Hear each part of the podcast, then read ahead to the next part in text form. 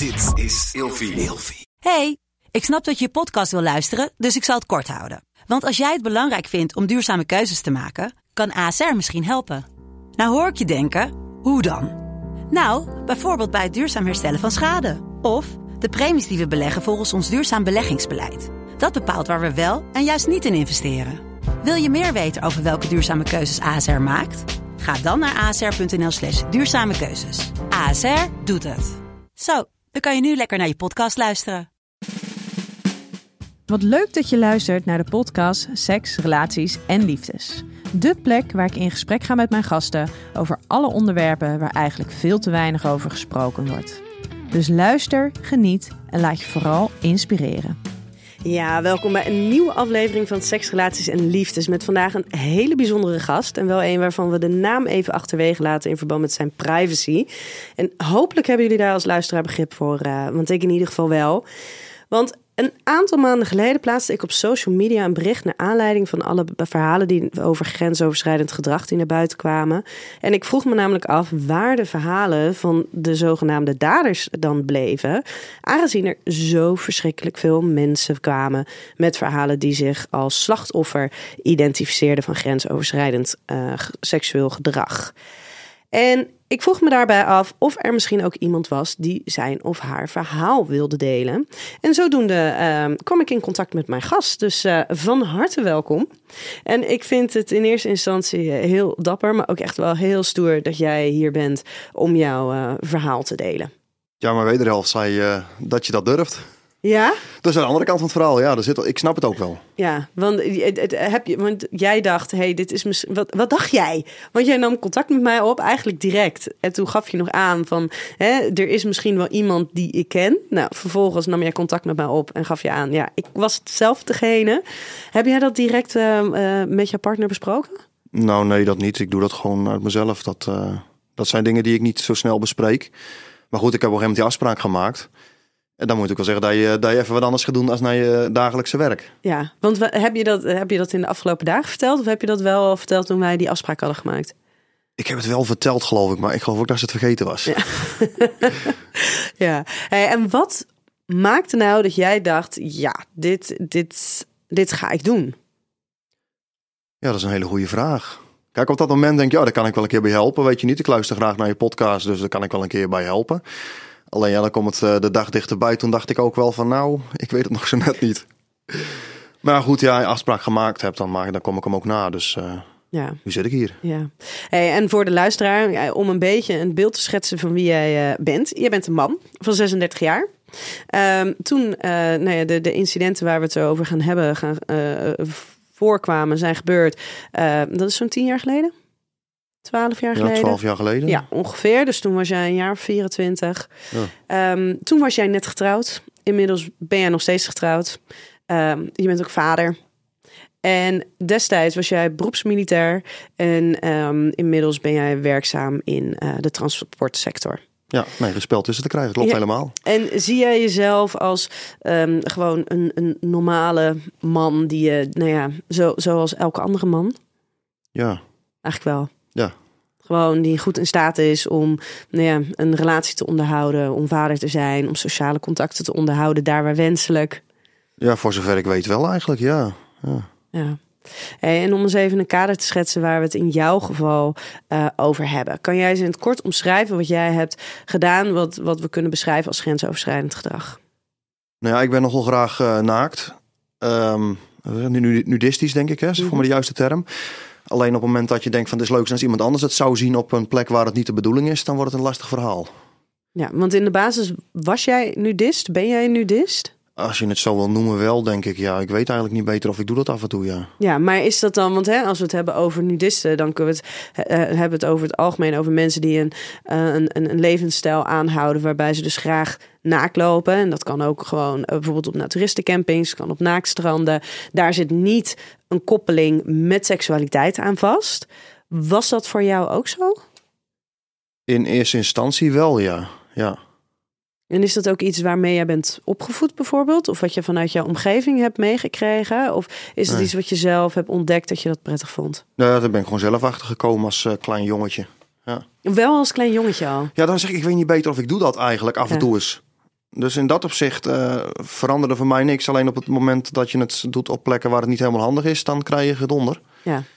En, dat is ook gebeurd. En wanneer is dat dan gebeurd? Wanneer is zeg maar dan het, het gewone, het onschuldige naaklopen, dan wel het, het, het nudist zijn, omgegaan naar hey, dit is dus, heeft dus wel te maken met seksualiteit. Het heeft wel te maken met aandacht gezien worden. Nou, dat durf ik je eigenlijk niet te zeggen. Er zal ergens een keer een, een moment geweest zijn dat wel. Ja. Maar zelfs op dat moment, ik denk niet, ja, nee, ik weet eigenlijk gewoon, gewoon een, een, een roep om aandacht, denk ik. Ja? Denk het wel, ja, ja. En die kon je krijgen door naakt te zijn. Ja, dat roept wel reacties op, kan ik je vertellen.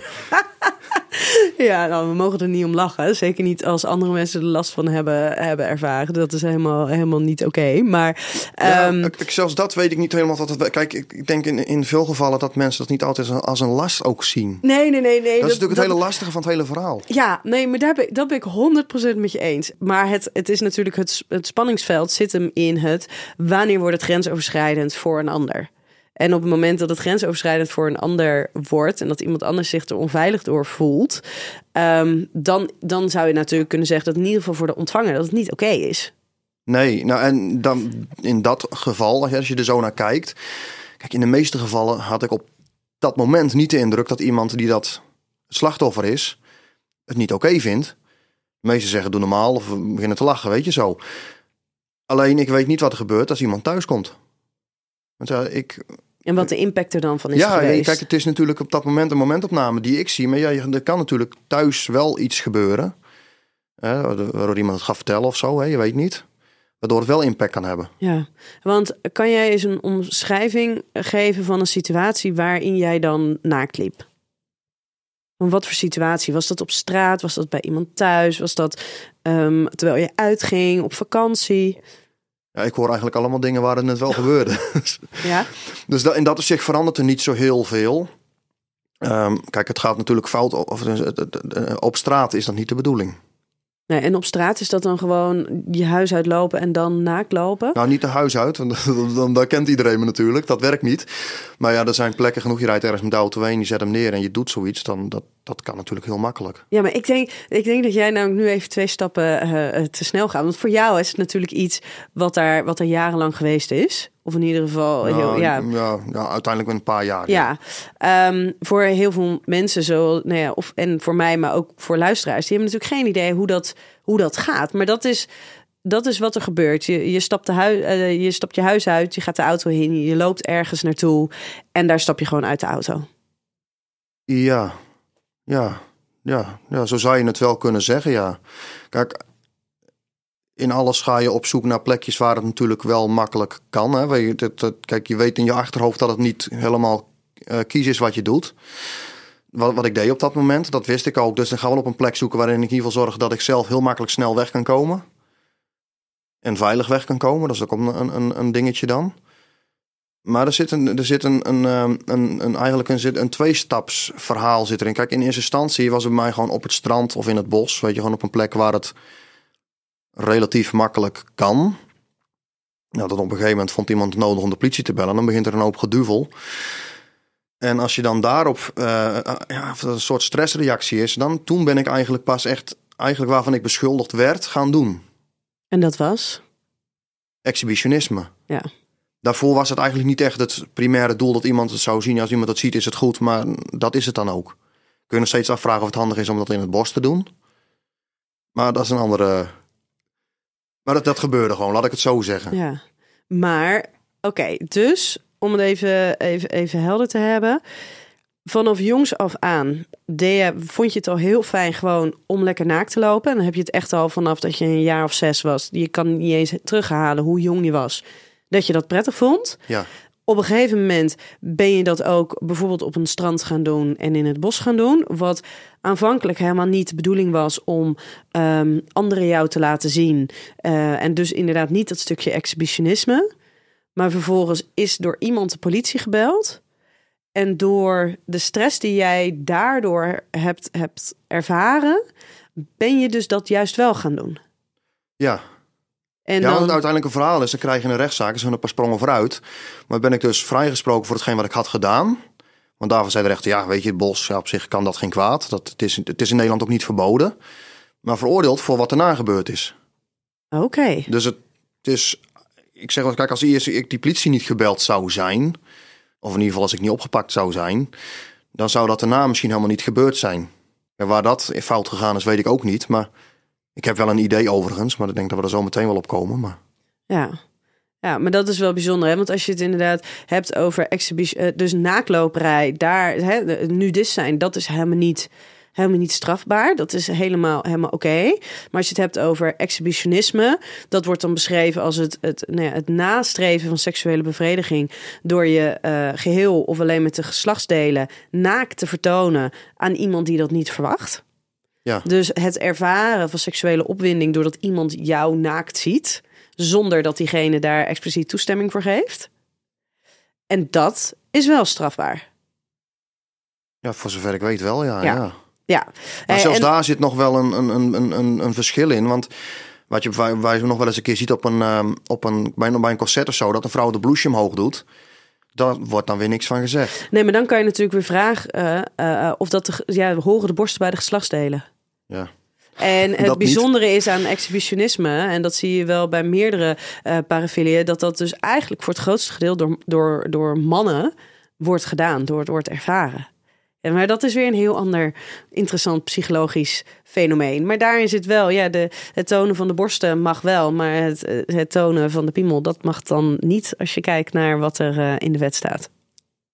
Nou ja, kennelijk is dat het. Ja. Ik denk het wel, ja. Ik geloof ook niet dat het bij vrouwen minder voorkomt.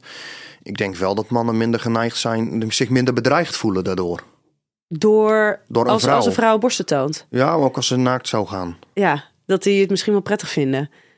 Ja, nou ja, goed. In het begin van het jaar had je die discussie over eh, het sturen van, ehm van, van eh dickpics. Ja. Ja, ik zou er niet zo heel veel moeite mee hebben als een vrouw mij een klitpic zou sturen.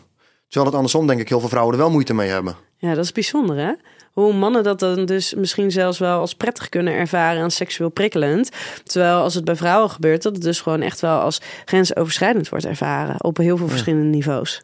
Ja, mannen komen van Mars en vrouwen van Venus heb ik wel eens gehoord. Dus misschien is dat het. Ja, maar tegelijkertijd eh, komen mannen en vrouwen er ook gewoon echt wel heel erg veel overheen.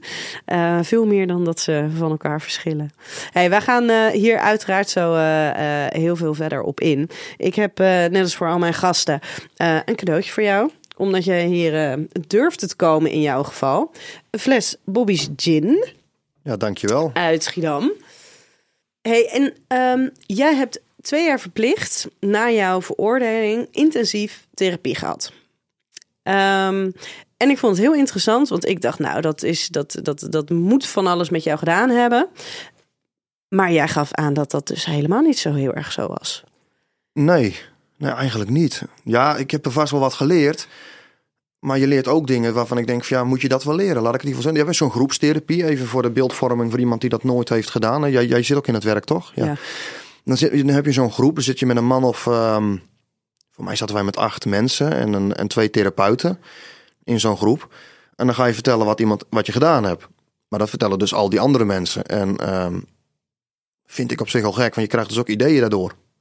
Dat ik denk van ja, je brengt mij ook op ideeën met dit verhaal. Plus dat een probleem wat er speelt niet van de een op de andere dag voorbij is. Waardoor je het, eh, ja, eh, hoe zeg ik het op de goede manier, wel blijft doen eigenlijk wat je deed. Maar je kunt het natuurlijk niet vertellen, want dan heb je een probleem. Dan krijg je dan vervolgens weer een gezeik met de reclassering en eventueel nog meer met een rechtszaak. Dus ik denk dat dat in het totaalplaatje maakt dat het niet, voor mij in ieder geval niet geholpen heeft. Kijk, het idee van een stoplicht is leuk. Nou, die stond bij mij consequent op oranje, omdat ik op die rechtszaak zat te wachten. Ja, dus er was heel veel stress. En dat was voor jou, was dat de trigger om er, nou ja, om afleiding te zoeken. En dat dit was jouw uitlaatklep. Ja, Ja, dus dat werkte eerder averechts. Kijk, het idee is leuk, is leuk van een stoplicht. Alleen dat werkt dus niet Ja, op dat moment. En even voor wie niet weet wat een stoplicht is. Een stoplicht, dat is een indicatie van hoe zit je in je, nou ja, dan wel in je gevoel, dan wel in je eh, stressniveau, dan wel in je algehele welzijn. En, en groen is dan ben je helemaal oké. Oranje, dan wordt het een beetje spannend. En rood, dan is het niet oké. En dat kan een teken zijn dat je bepaald gedrag gaat uiten. Of ja, Nou ja, dat ene kant van het verhaal. Aan de andere kant herkende ik het stoplicht ook niet. Naderhand uh, weet ik hoe het, het, het, systeem boven in de bovenkamer een dat, beetje werkt. Dat begreep je ook niet toen, toen je in therapie zat? Nee, nee. Toen werd je dat niet helemaal helder hoe dat werkte bij jou? Nee, dan kreeg, kreeg, kreeg ik een stoplicht en dan uh, ging ik een dag aan het werk. En uh, ja, dan kwam ik smiddags uit het werk en dan ging ik toch de fout in. En dan denk ik, ja, aan, aan het werk kan het moeilijk gelegen hebben, want ik heb een leuke dag gehad. Ja, waar, waar ligt het dan wel in? Ja. En achteraf dacht ik van, ja, dan gebeurde dat. En dan had ik s'morgens al gedacht van, ja, ik ga dat vanmiddag niet doen. Ja, nu weet ik als je het woordje niet, niet, dat dat niet werkt. Dat dat het juist iets is wat jou ertoe aanzet. Ja, maar dat wist ik toen niet. doen. Ja. Dus daar is, ja, dat is een kennis die ik dan later op gedaan heb. Maar als ik dat geweten had, dan had ik daar misschien anders over kunnen. Misschien, weet ik Ja. niet. Maar dat is wel een hele interessante, want wat jij net zegt, hè, over van ja, maar dan zit je dus in die therapie en er, er wordt dus inderdaad van je verwacht dat je, daar, dat je daar eerlijk en open bent over het gedrag wat je hebt vertoond. Dan wel eenmalig, dan wel, dan wel frequenter. Maar ehm, ze verwachten dus ook dat als jij in therapie gaat, dat het gedrag niet meer voorkomt. Nou, dat is in ieder geval zoals ik het uitgelegd heb, ja. Ja. Voor mezelf. Ja, maar dat, ja, maar dat lijkt me ook zeker in jouw geval. Want op het moment dat jij in therapie vervolgens nog meer situaties zou aangeven die zich hebben voorgedaan, kan ik me voorstellen dat je daar nou ja, misschien inderdaad wel problemen mee krijgt. Dus in hoeverre ben je dan helemaal open tijdens zo'n therapeutisch proces? Ja, ik denk niet. En zeker in zo'n groepstherapie niet. Nou ja, dat is, ja, nou goed, even los de groepstherapie. Kijk, je bent met mensen onder elkaar die elkaar in dat opzicht denk ik wel ergens wel begrijpen.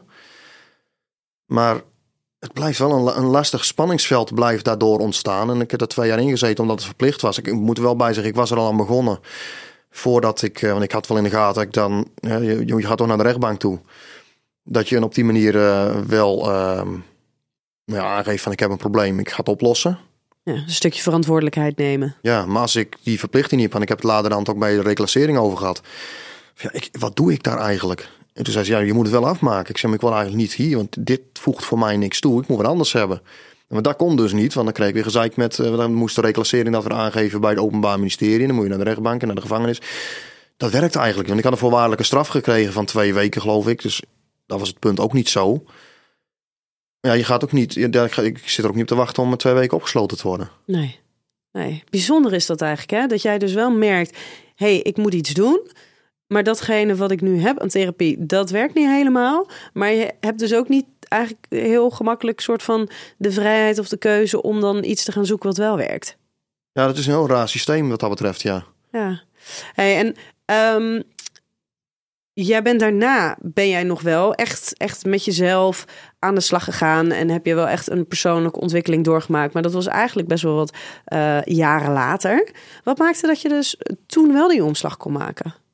Nou ja, het punt blijft dat je, kijk, je voelt dat sommige dingen, ik voel dat sommige dingen niet goed met mij gingen.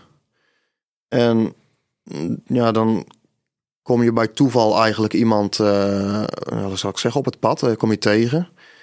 Ik denk dat in mijn geval heeft ook een beetje te maken met de opkomst van podcasts. Dat ik podcast ben gaan luisteren. Ja, in, in, in de podcast van persoonlijke ontwikkeling, daar kun je natuurlijk, eh, ja, er is heel veel op te vinden. En toen begreep ik aan daarvan wel dat je toch wel de dingen die je doet wel je eigen keuze zijn. Ja, Nou, het besef daarvan, toen dacht je, ja, op het moment dat je dus een, een keuze maakt eh, in de verkeerde zin van het woord, kun je hem ook maken in de goede zin van het woord. ja want dat, dat zijn inzichten die jij hebt gekregen, onder andere door ehm, het lezen van het boek van Michael Pelagic, eh, Master Your Mindset. Ja. En het boek van Napoleon Hill, Think and Grow Rich. Die vervolgens ook nog eens eh, vertaald is door Michael Pelagic. Is hij voor jou iemand geweest die jou heeft geholpen in die tijd? Dat denk ik wel, ja. ja. Met het stukje, ik ben verantwoordelijk voor mijn eigen keuzes. Nou ja, dat, precies dat, ja. En dan kun je ook, kijk, dat geldt natuurlijk op al het gebied wat je doet. Maar op dat moment, toen ik, toen ik besefte, want het is mijn eigen keuze, dat heeft mij wel heel erg geholpen, ja.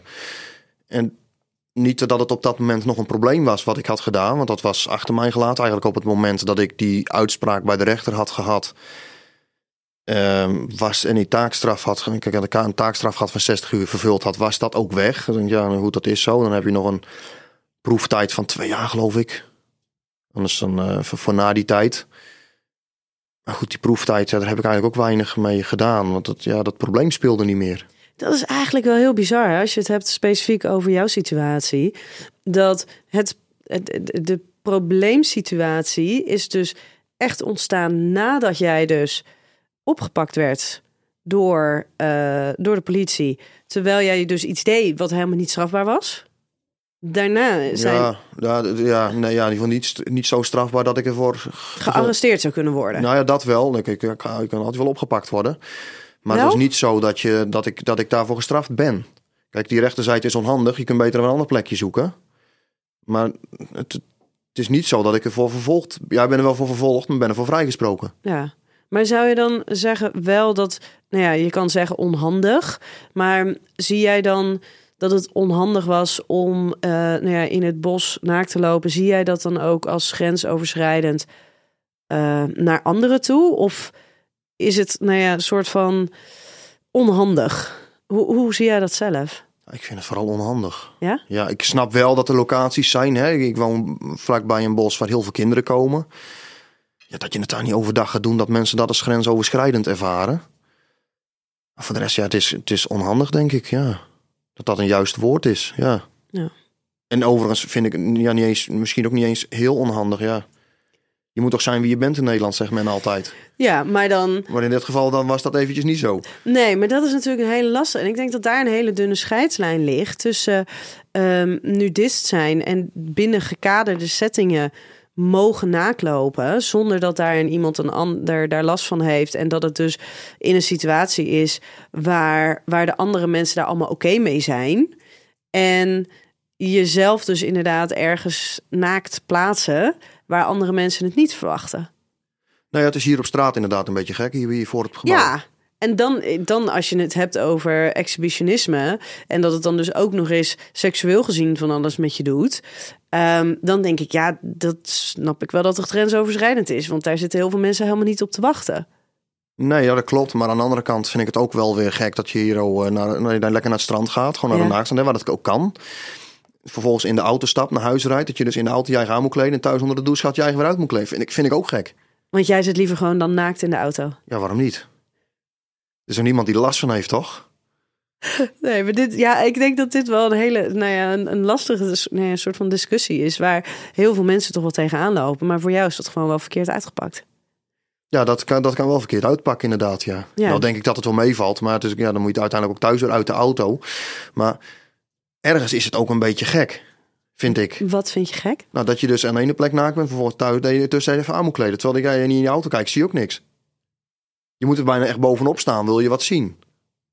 Ja, maar snap je wel dat, dat het voor andere mensen gek is? Of als, als eh, dan, dan is het dus wel bijvoorbeeld in jouw straat dat je van de auto het huis instapt. Vind je dat dan wel, snap je dat dan wel, dat dat voor andere mensen lastig is? Nee, ik hoef mijn buurman nog niet naakt te zien, dus dat herken ik wel. Precies. Ja, maar dus dat, nee, dat snap dat, dat, dat, dat herken ik wel, ja. Nee, dat, dat, dat is de andere kant van het verhaal. Ja. ja. Maar ergens vind ik het ook wel gek. Ik, ik hoef hem niet zo te zien, maar ja, dat ik het niet zie is ook niet een probleem. Hey, maar jij zei dus net al even hè, dat, dat ehm, eh, de, de eh, Think and Grow Rich van Napoleon Hill, dat is dus een boek wat jou geholpen heeft, vooral in het ehm, jouw eigen keuzes maken en dat het dus niet de schuld van anderen is, alleen maar wat jij voor de keuzes die je zelf hebt gemaakt. Ja, kijk, wat je overkomt kun je zoveel aan doen. Maar het is wel aan hoe je er zelf mee omgaat. Ja, Dat is eigenlijk wel een van de belangrijkste dingen die ik uit die boeken gehaald heb, ja. ja. En wil je nou als luisteraar ook eh, meer weten over de inzichten eh, van mijn gast? Of wil je ook Think, Rich, eh, Think and Grow Rich lezen? Ga dan nu naar storytel.com slash Nienke en lees of luister nu 30 dagen gratis. Uiteraard kan je ook kiezen voor een van de andere 300.000 luister- of e-boeken. En je vindt de link ook nog even in de show notes. Hey, ik heb jou gevraagd om vijf woorden te bedenken die voor jou gaan over seks, relaties en liefdes. Welke zijn dat? Ik heb eh, vrijheid, samen zijn, ontspanning, genot en huiselijk. Ja, lekker huiselijk.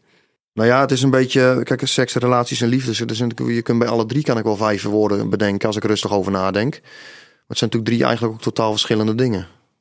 Kijk, een liefde vind ik vrij huiselijk. Maar seks wat minder, denk ik, voor mijn gevoel. Is seks iets wat altijd een belangrijke rol in jouw leven heeft gespeeld? Nee, volgens mij niet. Nee. Gaat naaklopen voor jou over seks? Nee. Nee, want dan zou ik naar de sauna ook, zou dat ook seks zijn. Dat heb ik dat ook niet. Nee. Het is niet zo dat ik mijn ogen dicht hou, maar dat is een andere Dat doe ik op straat ook niet. Ja. Is dat dan vervolgens het eigenlijk dus het onderscheid tussen naaklopen en exhibitionisme? Dat naaklopen heeft niks met seks te maken. En exhibitionisme uiteindelijk heeft dat wel een stukje met seksualiteit te maken. Want het heeft met seksuele opwinding te maken. Ja, ja, ik begrijp wel wat je bedoelt. Maar je kunt ook exhibitionistisch zijn, maar niet naakt gaan. Toch? Ja, Deels, het gaat in ieder geval over deels naakt gaan. Als je het in de seksuele context hebt. dan wel. Nee, maar dat is om het... Dan laat ik het zo zeggen. Je, je kunt seks gebruiken om exhibitionistisch te zijn. Ja, maar volgens mij is het een beetje een soort van een eh, verbastering van het. Ja, of, of het is naar het seksualiteit toegevoegd, of ze hebben het ook op andere situaties. ehm, Dat zeg maar geschetst. Dat ze, dat ze dus daarin exhibitionisme wat breder hebben getrokken. Maar in ieder geval, exhibitionisme met betrekking tot seksualiteit gaat dus echt over het jezelf, eh, je geslachtsdelen gedeeltelijk of deels blootstellen ehm, aan anderen, zodat je seksuele opwinding ervaart. Nou, dat ervaar je wel. Dat, eh, dat, dat, is niet, dat is geen misschien, dat klopt wel, ja. Ja. Dat, dat klopt. Het, het, het levert je wel een soort van eh, adrenaline kick op. Ja, en dan ben ik benieuwd. Maar daar, gaan we, daar, gaan we, daar komen we zo. Ehm, ik heb namelijk voor jou de vijf kutkeuzes. Seksualiteit of intimiteit? Intimiteit. Schaamte verbergen of kwetsbaarheid tonen? Kwetsbaarheid tonen. Kleren aan of kleren uit? Uit. Seks vanuit opwinding of seks vanuit afleiding zoeken? Opwinding. Vertellen over je grensoverschrijdende verleden of leven met een geheim? Ja, dan toch vertellen. Maar met een geheim leven, dat staat me slecht aan, ja. Eh, weet- weten mensen in jouw omgeving het? Ehm, nou ja, weten wel niet iedereen. Ik- Het is niet dat ik ermee te koop loop. Maar eh, ja, nee, ja, sommigen weten het wel, ja. En, en ik vroeg net aan jou, hè, seks vanuit opwinding of seks vanuit afleiding zoeken. Daarvan zeg je ja, vanuit opwinding. Maar jij zei net van, van dat exhibitionisme dat, hè, dat je wel die adrenaline ervaart. Maar dan vraag ik me dus ergens dus wel af van ja, maar is het dan echt seksuele opwinding die je ervaart? Of is het dus inderdaad de spanning, de adrenaline ehm, waar je op reageert, waar je op kikt?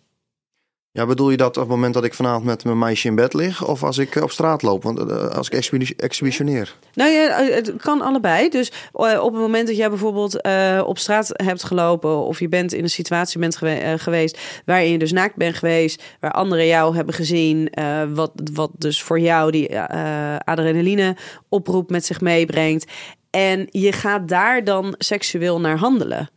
Is dat dan vanuit adrenaline en vanuit de kick? Of is dat dan oprecht vanuit opwinding? Adrenaline.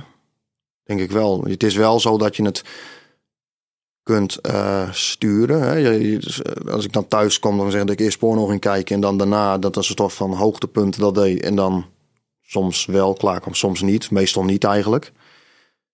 Dat kan wel. Maar het is, dat geeft je wel een enorme adrenaline kick. En voel jij voor jezelf het verschil als je eh, bijvoorbeeld gaat masturberen nadat je dus exhibitionistisch bent geweest of wanneer je seks hebt met je partner zonder dat daar een vorm van exhibitionisme aan heeft eh, vooraf heeft plaatsgevonden? En seks is sowieso heel anders dan als je alleen iets doet. Want wat is daarin voor jou anders? Dat je samen bent. En zou je dan zeggen dat als je samen bent, dat die seks vanuit die opwinding is?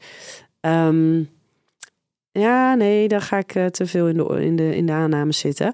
Als je ehm, zoek jij het stukje exhibitionisme op op het moment dat jij bijvoorbeeld eh, gestrest bent, op het moment dat je afleiding nodig hebt, op het moment dat je, dat je je niet zo lekker voelt.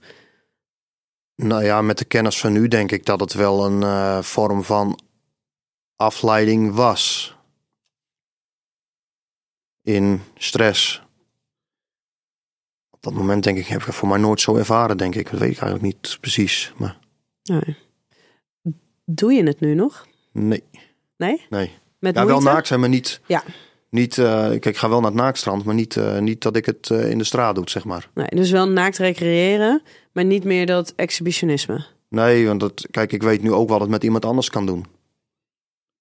Dat, daar moet ik er wel bij zeggen. Kijk, meeste van tijd, en denk dat het ook een, een nadeel is. Kijk, Dus in mijn geval, toen op een gegeven moment was er iemand die echt in paniek raakte. Toen raakte ik ook in paniek. Dus ja, dat is eigenlijk ook de laatste keer geweest. Ja. En kost het jou moeite om het niet te doen? Nee. Nee, dat niet. Nee, er zat andere plekken waar je naakt kan. Ja. Wat ik dan lastiger vind, is dat ik, dat ik net eigenlijk zei... Hè, in het naakt dan gaat je op een gegeven moment je kleren aan moeten trekken... om, om in de auto te stappen. Ik, van, ja, ik vind het wel lekker zo.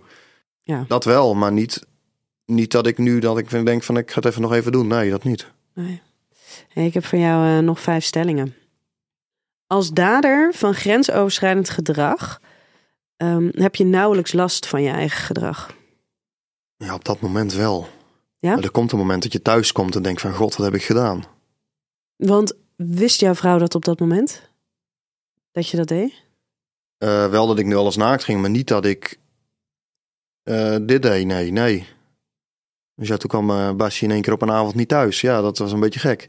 En dat was de avond dat je was opgepakt? Ja, Oh, dus ja, dan moet je dat wel uitleggen. Ehm, maar goed, eh, ja, nee, uiteindelijk krijg je daar wel last van als je dat niet op de goede manier oplost, denk ik, ja. ja. En wat, wat zijn dingen als je het hebt over de last van hebben? Wat, wat, waar heb je dan last van? Eh, nou ja, je blijft toch over. De, ik, ik heb de- gevoelsmatig over mijn schouder blij- blijven kijken. Hè? Dat je, de, de- je eigen veiligheidsgevoel. Kijk, je helpt natuurlijk het veiligheidsgevoel van een ander naar de knoppen, maar van je eigen ook. In welk opzicht? Nou, dat ik eh, niet altijd weet wie mijn slachtoffers zijn. Maar goed, die kan ik morgen wel tegenkomen bij de Albert Heijn. Slachtoffers die er al zijn gemaakt. Ja, En dat je ze nu nog een keertje tegenkomt. nou nu ben ik daar niet meer bang voor, want dan zal het wel een keer gebeurd zijn. Maar dat in zo'n recente, vrij recente periode, als ik dat nu bij jou zou doen, en ik loop zo meteen naar de Albert Heijn, dan zie jij mij weer. Dat kan natuurlijk. Ja, en waar was je dan bang voor? Of wat was het dan dat jou daarin onveilig liet voelen? Nou ja, uiteindelijk weet je als mens wel dat je iets doet wat niet goed is. Was je bang dat iemand wraak zou nemen of iets eh, gewelddadigs of iets naar jou toe zou doen? Nou, dat eigenlijk ben ik nooit geweest. Nee. Ik had ook wel begrepen als iemand me mijn bek geslagen had. Ja? Ja, dat, dat snap ik wel. Dan heb ik er meer moeite mee. Dan zou ik er meer moeite mee hebben dat iemand nu zou bellen, de politie zou bellen, dat ik weer opgepakt zou worden. Daar ben ik nu niet bang meer voor, maar dat zou ik dan meer hebben. Omdat er nu gewoon ook geen aanleiding voor is. Nee, daarom. Het is al zo lang geleden, zeg, weet ik niet meer. Ja, ik Nou ja, weet, het, je- is ook weer hazen bij de juridische een beetje lopen. Dus ja. Nee, maar je hebt natuurlijk wel, je hebt je veroordeling al gehad. En je bent, je bent flink geconfronteerd met je eigen gedrag. En vooral ook wat het met een ander kan doen. Nou ja, dat, ja, nou ja, vooral die, die, die laatste keer wel, ja. Had het, had het jou geholpen als er al eerder iemand had geweest die zo duidelijk had blij, laten blijken: dit is, dit is niet oké wat je doet, of dit is wat dit met mij doet? Dat denk ik wel, ja.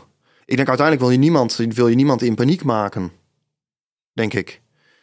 Dus ik denk dat dat wel scheelt. Kijk, op het moment dat, dat iemand begint te lachen, ja, dat is toch anders. Is dat een reactie die je meestal krijgt? Of kreeg?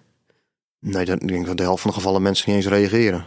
En, en dan, dan vraag ik me af: ehm, is dat dan voor jou een, een soort van teken van, nou ja, kennelijk is het niet zo erg, kennelijk trekken ze zich er niet zoveel aan, mee van aan, of ik kom hiermee weg. Ehm, en is het dus echt nodig dat er zo'n duidelijke eh, reactie moet zijn van paniek voordat jij bedenkt: "F- dit is niet oké? Nou ja, kijk, het is natuurlijk wel als iemand begint te lachen, Ja. dan. Ja, de, de, de, dus, de, dat is natuurlijk een heel andere reactie als iemand in paniek raakt. Want wat doet het dan, of wat deed het dan met jou als iemand begon te lachen? Ja, ook niks. Bracht het dan wel die adrenaline en die seksuele opwinding? Nou, dat wel. Maar dat had voor de rest niet zoveel veel met de reactie te maken. Behalve dan die vrouw die helemaal in paniek raakte. Ja, dat, dat deed wel wat bij mij. En wat deed dat met jou? Ja, ik raakte ook in paniek. Ik Ja. oh god, wat nu? En wat deed je toen? Heel hard wegrijden. Eerst je auto in? Ja. En zorg dat ik gauw wegkom. Ja, ik weet ook niet wat je moet dan op dat moment. En toen kwam je thuis? En was je... Was je Nou, dat was- heeft nog wel een paar uur geduurd. Dat ik eerst met mijn eigen een beetje in, eh, in, in, in balans moest komen voordat ik dat naar huis kon gaan. En toen kwam ik toen ben ik nog even terug wezen kijken of ze er nog was. Of dat er wat anders was, ja, weet ik niet.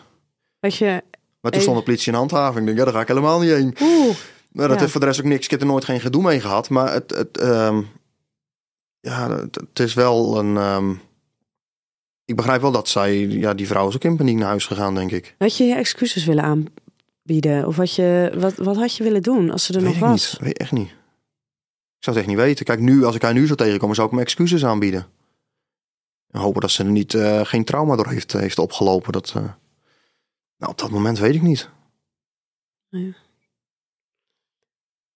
De volgende stelling. De grens tussen gezond seksueel gedrag en grensoverschrijdend gedrag is erg dun. Ja, ik denk als je, als je niet communiceert, wel ja. Denk ik wel, ja. Want als je het hebt over exhibitionisme, ehm, in de definitie van exhibitionisme, daar wordt dan in beschreven, als je op zoek gaat naar de eh, definities, dat dat dan is het tonen van de geslachtsdelen of delen ervan bij iemand die dat niet verwacht. Iemand die ervan schrikt, iemand die daar geen toestemming voor heeft gegeven. Maar het ervaren van seksuele opwinding doordat iemand anders jou ziet. Het ervaren van seksuele opwinding doordat um, jij ziet dat andere mensen seks hebben. Dat zou in principe gewoon gezond seksueel gedrag kunnen zijn. Mits er wederzijdse instemming is. Daar ga ik altijd maar vanuit. Dat dat, dat, dat dan, dan is. Ja, maar dat is natuurlijk het lastige. Want op het moment, het wordt grensoverschrijdend gedrag zodra die instemming er niet is. Nee, dat klopt. Dat ben ik wel met je eens, ja. Ik denk wel dat, er, dat, dat de grens wel heel dun kan zijn. Dat denk ik wel, ja. Maar kijk, het grensoverschrijdend... Er kunnen meerdere vormen van grensoverschrijdend gedrag zijn uiteindelijk. Dus of je dat helemaal. Kijk, ik denk dat exhibitionisme wel echt grensoverschrijdend is. Of iemand aanranden. Ja, ja maar daar zijn een wel opmerking echt... maken vind ik wel een hele moeilijke. Als je iemand een, nou ja, iets, iets, iets, iets toeroept of zo. Ja, nou, toeroepen misschien dan ja, over straat schreeuwen sowieso asociaal. Maar eh, als je gewoon iemand en tegenover iemand in de trein zit of zo, noem maar wat. Dat is op zich zo, vind ik het wel gek, maar ik, niet zo gek dat ik denk van het is grensoverschrijdend. Wat definieert grensoverschrijdend gedrag dan voor jou? Nou, sowieso als het fysiek wordt. Maar je moet toch ook tegen iemand kunnen zeggen van je ziet er leuk uit. Ja. Vind ik tenminste. Ja, maar dat is natuurlijk sowieso een hele lastige discussie die nu heel erg gaande is. En waarvan ik wel denk dat het goed is dat we ons er bewust van zijn. Maar dat het ook heel lastig is om te bepalen hoe, ja, wat, wat moeten we nou? En wat mag nog wel en wat kan gewoon niet? En je, wanneer mag je inderdaad wel iemand een compliment geven, een blijk van waardering geven, gebaseerd ook op het uiterlijk of iemands voorkomen. En wanneer mag dat niet? Ja, ik zeg dat het altijd mag. Wat de situatie ook is. En als iemand het niet waardeert, nou, dan moet hij dat zelf maar zeggen. Ja, maar is het dan, is het, het, het zelf zeggen, is dat, is dat belangrijk? Is het die grens aangeven en die vervolgens dan dus moeten respecteren? Nou, dat sowieso iemand zijn grenzen respecteren moet sowieso, denk ik. Maar uh, als, als ik tegen een vrouw zeg, je hebt een leuk jurkje aan, dan moet toch gewoon... Je ziet er leuk uit in die jurk, zo moet ik het eigenlijk zeggen. Dan moet het gewoon kunnen. En waarom zou dat niet kunnen, denk je? Nou, het is als je het in de trein doet wel een beetje gek, denk ik. Ja. Dus maar dan nog steeds, denk, kan me wel voorstellen, ja, dat, dat zou ik niet doen in de trein, laat ik het zo zeggen. Maar dan gaat het over de relatie die je wellicht onderling met elkaar hebt. Hoe je je tot elkaar verhoudt, of je het wel of niet kan zeggen. Nou ja, tegen een bekende kan je het sowieso zeggen, denk ik. Maar tegen een onbekende bedoel ik meer. Ja. ja, dus dan gaat het over de relatie. Dus op het moment dat je iemand kent, dan zou je altijd zo'n compliment moeten kunnen geven. Tuurlijk, ehm, ja. Terwijl op het moment dat je elkaar niet kent of het is in een context die er niet voor gepast is, dan hoef je dat absoluut niet te doen. Nou, als het eerste is wat je doet op het werk, vind ik het wel gek. Maar je het op een gegeven moment een keer bij de koffieautomaat zegt, ja, waarom niet? Ja. ja, maar dat is natuurlijk het hele lastige. Hè? Want als je dit zo zegt, dan zou je inderdaad kunnen zeggen... ja, maar als je collega's van elkaar bent, waarom zou je het dan niet mogen zeggen? Terwijl het dus wel door een boel mensen als grensoverschrijdend wordt ervaren. Ja, maar je kunt nog een leuke collega hebben. Dat, uh, ja, kan andersom moet het ook kunnen, denk ik. Hey, de volgende uh, stelling. Jouw eigen behoeften zijn belangrijker dan de gevolgen voor de ander daarvan. Nee, ik denk dat de gevolgen voor een ander dat dat belangrijker is. Maar dan moet je In het geval van exhibitionisme dan, hè? Dat, ja, ja, oké. ja, nee, dat denk ik wel. Maar dan is het wel belangrijk dat je er bewust van bent wat die gevolgen zijn. Om daar een inschatting van te kunnen maken. Of... Ik denk als je het echt om het exhibitionisme doet, dat je in je bovenkamer dermate verdoofd bent dat je dat niet meer meekrijgt. Wat het met de ander doet. Ja. ja, je kunt het wel zien, maar niet eh, op de lange termijn. Dan moet je weer eventjes, even, even rustig worden tussen je oren. Dan zie je dat. Dan, dan kun je wel bedenken van het kan wel eens niet goed gaan met die persoon. Maar op dat moment, dan, dan, dan zit dat er niet meer, tenminste bij mij niet. Een naakloper kiest eh, dan wel een exhibitionist. Ehm, kiest zijn slachtoffers bewust uit. Ja. Ja? Ja. Ja, je gaat toch op zoek naar waar, het minst, waar je verwacht het minste risico te lopen. Als in veiligheid? Voor je eigen veiligheid, ja. ja. Tenminste, voor- als ik voor mezelf spreek. Dat, dat, dat, dat geloof ik wel, ja. En dan vraag ik me af, hè, want ik gooide hier eventjes naakloper en exhibitionist in, in één zin. En dat klopt dus niet, want een naakloper gewoon, of een nudist, of, hè, dat is natuurlijk niet per se een exhibitionist. Ehm, Nee, ik sloeg meer aan op de exhibitionist als je het ja, zo uitlegt. ja, ja, ja, maar is dat misschien dan... ehm, ja, dat, en ik heb geen idee, hè, dit is nergens op gebaseerd. Maar ik kan me voorstellen dat je als exhibitionist... is het dus wel echt... dan zou dat dus wel echt de kick zijn van... ehm, nou ja, het tonen van jezelf, tonen van geslachtsdelen aan een ander. Als we het even over de grensoverschrijdende vormen ervan hebben. Dus zonder dat daar consent is, zonder dat er toestemming is. Ehm, maar kies je dan, zeg maar, je, je, je, tussen aanhangsteken je slachtoffer uit op basis van je eigen veiligheid, dus waar jij zelf het minst risico bij loopt om, om, nou ja, om aangevallen te worden of om nou ja, dat er iets anders gebeurt wat ten koste gaat van jezelf? Of kies je dan iemand uit waarvan je denkt, die gaat er echt heel erg van schrikken? Die gaat mij echt de reactie geven waar ik naar verlang. Oh, dat durf ik niet te zeggen. Nee, het, is, het is meer waarom bij de een wel en bij de ander niet. Ik denk dat dat echt een veiligheidsdingetje is. Nou ja, en daar vraag ik me dus ook af. Want dat stukje naklopen, dat is bij jou altijd zo geweest. Het lijkt alsof dat stukje exhibitionisme, dat dat nou ja, heel erg gekaderd is geweest. Heel erg een oorzaak binnen nou ja, stress, onrust, spanning, dat, dat daar is geweest. Op het moment dat jij zag dat iemand daar dusdanig van in paniek raakte, ben jij daar dus ook mee gestopt? Want toen dacht je, jeetje, dit wil ik helemaal niet. En dit is wel heel heftig wat dit dus met een ander doet. Ja, En dan vraag ik me dus ergens ook achter af. Ja, maar in hoeverre ben jij dus een exhibitionist? Of heb jij op dat moment gewoon exhibitionistisch gedrag vertoond als reactie op wat er op dat moment allemaal gebeurde? dat laatste. En ben jij dus iemand die daarin voor zijn eigen veiligheid slachtoffers uitkoos?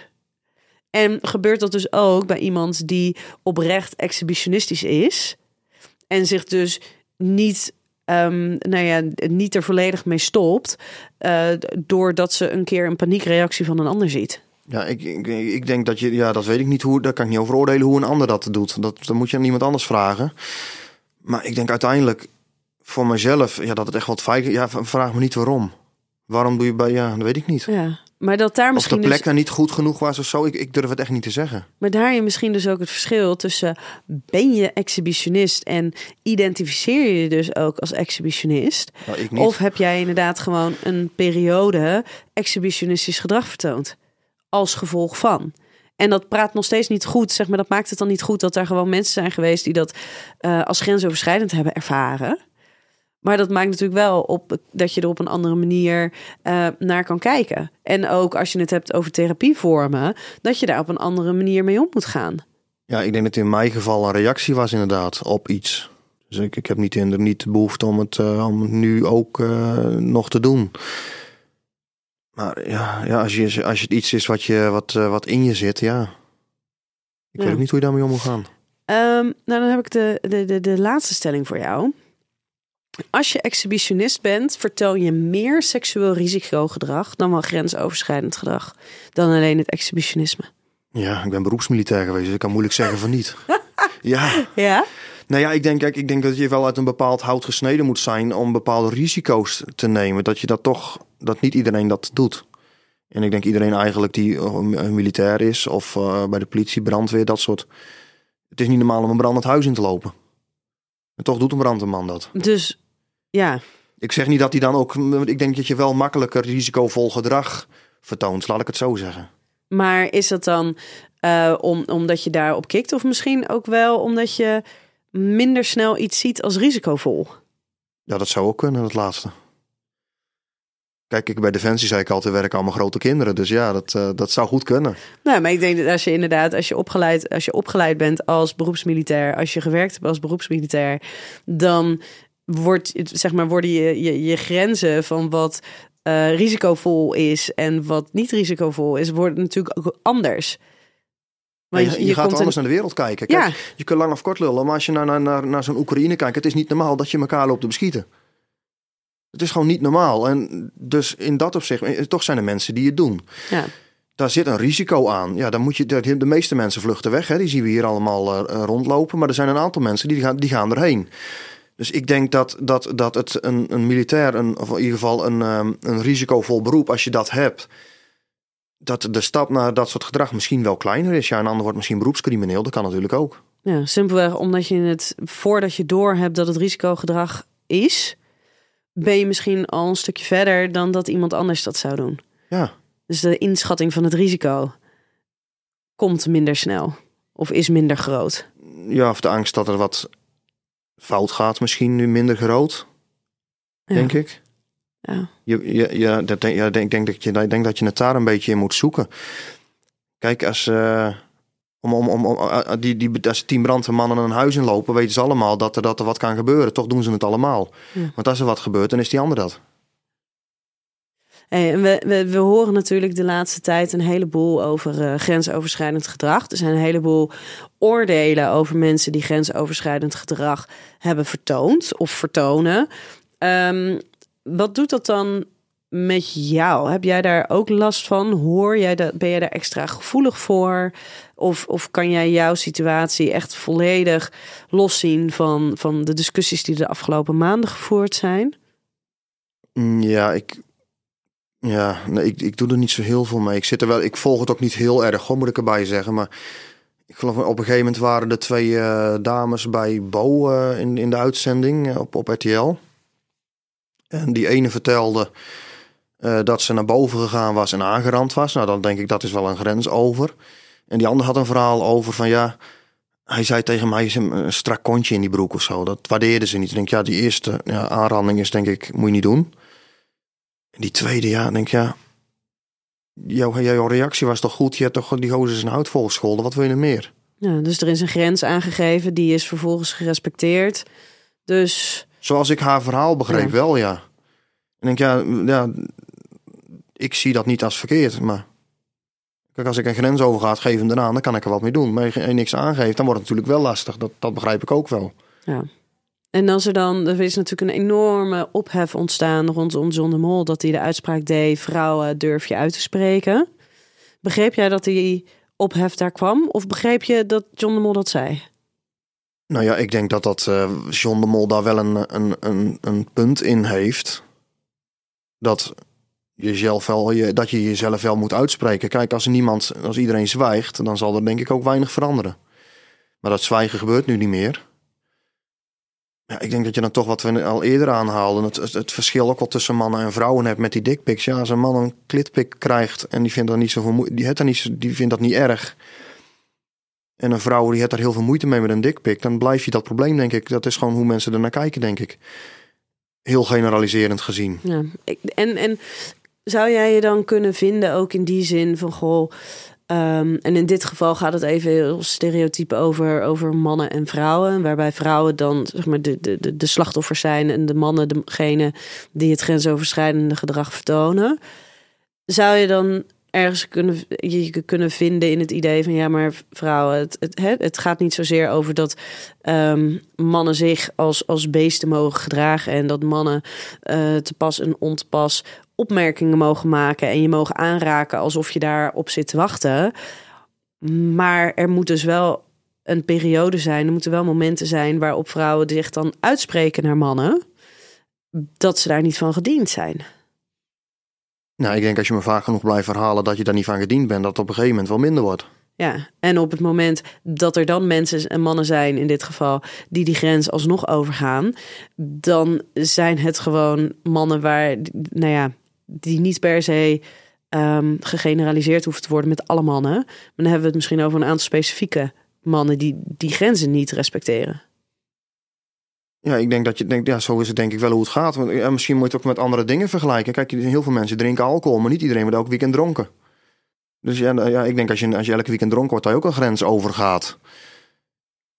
Ik denk dat het met, eigenlijk met alle gebieden zo is. Maar uiteindelijk volgens mij, ja, als ik niet weet dat ik iets fout doe, dan, ja, dan moet je niet verwachten dat ik het niet doe of wel doe. Ja, ja en dat is zo'n ontzettend lastig in deze hele discussie. Um, ja, dat, je hebt wel het punt dat, ja, maar goed, het punt dat wat jij niet prettig vindt, kan iemand anders weer wel prettig vinden. Of, of ook niet prettig. De een zegt wel wat een ander niet. Ja, dat is heel persoonlijk.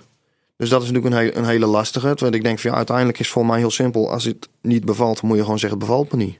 Ja. En als er dan doorgegaan wordt, ja, dan heb je inderdaad wel een probleem. Maar volgens mij, als, als, als, als iemand iets bij je doet wat je op dat moment niet prettig vindt, en je geeft het aan en het stop, is het in mijn ogen niet grensoverschrijdend geweest. Ja, als je die grens aangeraakt bent, hebt, zonder dat je die intentie hebt gehad, maar je bent er vervolgens niet nog een keer overheen gegaan, um, in hoeverre ben jij dan schuldig aan grensoverschrijdend gedrag? Ja, ja de grens aantikken kan altijd. Ja, ja en dat is, dat is oprecht is dat zo ontzettend lastig in deze discussie. Um, en niet zozeer de discussie die jij en ik nu voeren hoor, maar gewoon in het algemeen. Is dat um, ja, er worden soms onbedoeld grenzen aangetikt. En soms ook al wat overschreden zonder dat er die intentie is geweest. En op het moment dat daar niet wordt aangegeven dat daar dus een grens ligt, hoe leren we dan dat die grenzen daar zijn? En hoe leren we dan dat we dat dus niet nog een keertje moeten doen? Terwijl aan de andere kant, uh, je moet gewoon met je, met je vingers van een ander afblijven. En er is geen enkele reden om te pas en on te pas opmerkingen naar anderen te roepen die daar helemaal niet op zitten te wachten. Nou ja, dat is ook inderdaad een beetje gek. Want ik, ik, ik vind dat ook wel een leuke discussie wat dat betreft over het fluiten naar vrouwen vanaf de stijger dan. denk ja, er zit wel iets van in. Ja, en wat zit daarin volgens jou? Nou, de kunnen, kunnen het natuurlijk ervaren als een compliment. Maar ik snap ook wel als jij langs een stijger loopt als vrouw zijnde dat je dat niet wil. Ja, of dat het intimiderend voelt, dat je je onveilig voelt. Ja, ja, ik, ik, heb dat gevoel van onveiligheid ken ik niet. Maar... Nee, en dat is, dat is wel echt denk ik een heel groot verschil tussen mannen en vrouwen. Dat gevoel van onveiligheid, dat opgroeien met dat gevoel van onveiligheid, van fiets niet alleen naar huis, uh, laat het even weten als je thuis bent. Um, uh, als, er, als je langs een groepje mensen loopt, pak alvast eventjes je telefoon, zodat je indien het nodig is, dat je dan contact met iemand kan opnemen. En dat is denk ik wel echt ook in deze hele discussie een heel groot verschil tussen, uh, tussen mannen en vrouwen. Dat gevoel van onveiligheid, wat um, en, en nog even eh, los van of het terecht of onterecht is dat vrouwen daarmee opgroeien. Het is wel zo dat het aantal waarschuwende boodschappen die meiden meekrijgen al vanaf jongs af aan, die jonge vrouwen meekrijgen, ten opzichte van het aantal boodschappen, wat je, waarschuwende boodschappen die jongens met zich meekrijgen en daarna jonge mannen, dat is, dat is een wereld van verschil. Dat denk ik wel, dat klopt wel, ja. Maar de realiteit, ik, ik, zag op een gegeven moment een keer um, een, een, fragment van een, um, uh, voor mij was die advocaat die Harlequin, Harlequin die, die, die, ja. die donkere vrouw. ja. Die zei dat ze, ja, dat ze haar dochter niet alleen over straat liet gaan, want het was niet veilig in Amsterdam. Ik denk, ja, waar, heb jij het over? Bij mij over straat fietsen elke avond meisjes in het donker voorbij van 14 jaar oud. Dus het is ook maar net waar je woont, denk ik. Ja, maar dat is ook zo. Het is ook naar net waar je woont, in welke omgeving je woont. En ook hoe jij zelf de wereld ziet. Want als jij zelf, waar we het net al even hadden, als jij de wereld zonder risico's ziet, of in ieder geval de risico's een stuk kleiner inschat, dan kan je jezelf veel meer ruimte geven. En dus ook je kinderen veel meer ruimte geven. Ja, voor mij zijn er niet zo heel veel risico's. Maar... Nee, ja. Hey, wij, uh, wij gaan hem uh, afronden. Ik wil in ieder geval jou heel erg bedanken dat jij hier wilde zijn. En dat jij jouw uh, verhaal wilde, wilde delen. Um, we hadden het natuurlijk net ook nog eventjes over Storytel. Wil je nou mijn boek luisteren of um, Think and Grow Rich van Napoleon Hill? Check dan eventjes storytel.com slash en luister nu de eerste 30 dagen gratis. Lieve luisteraar, tot volgende week bij een nieuwe aflevering van Seks, Relaties en Liefdes.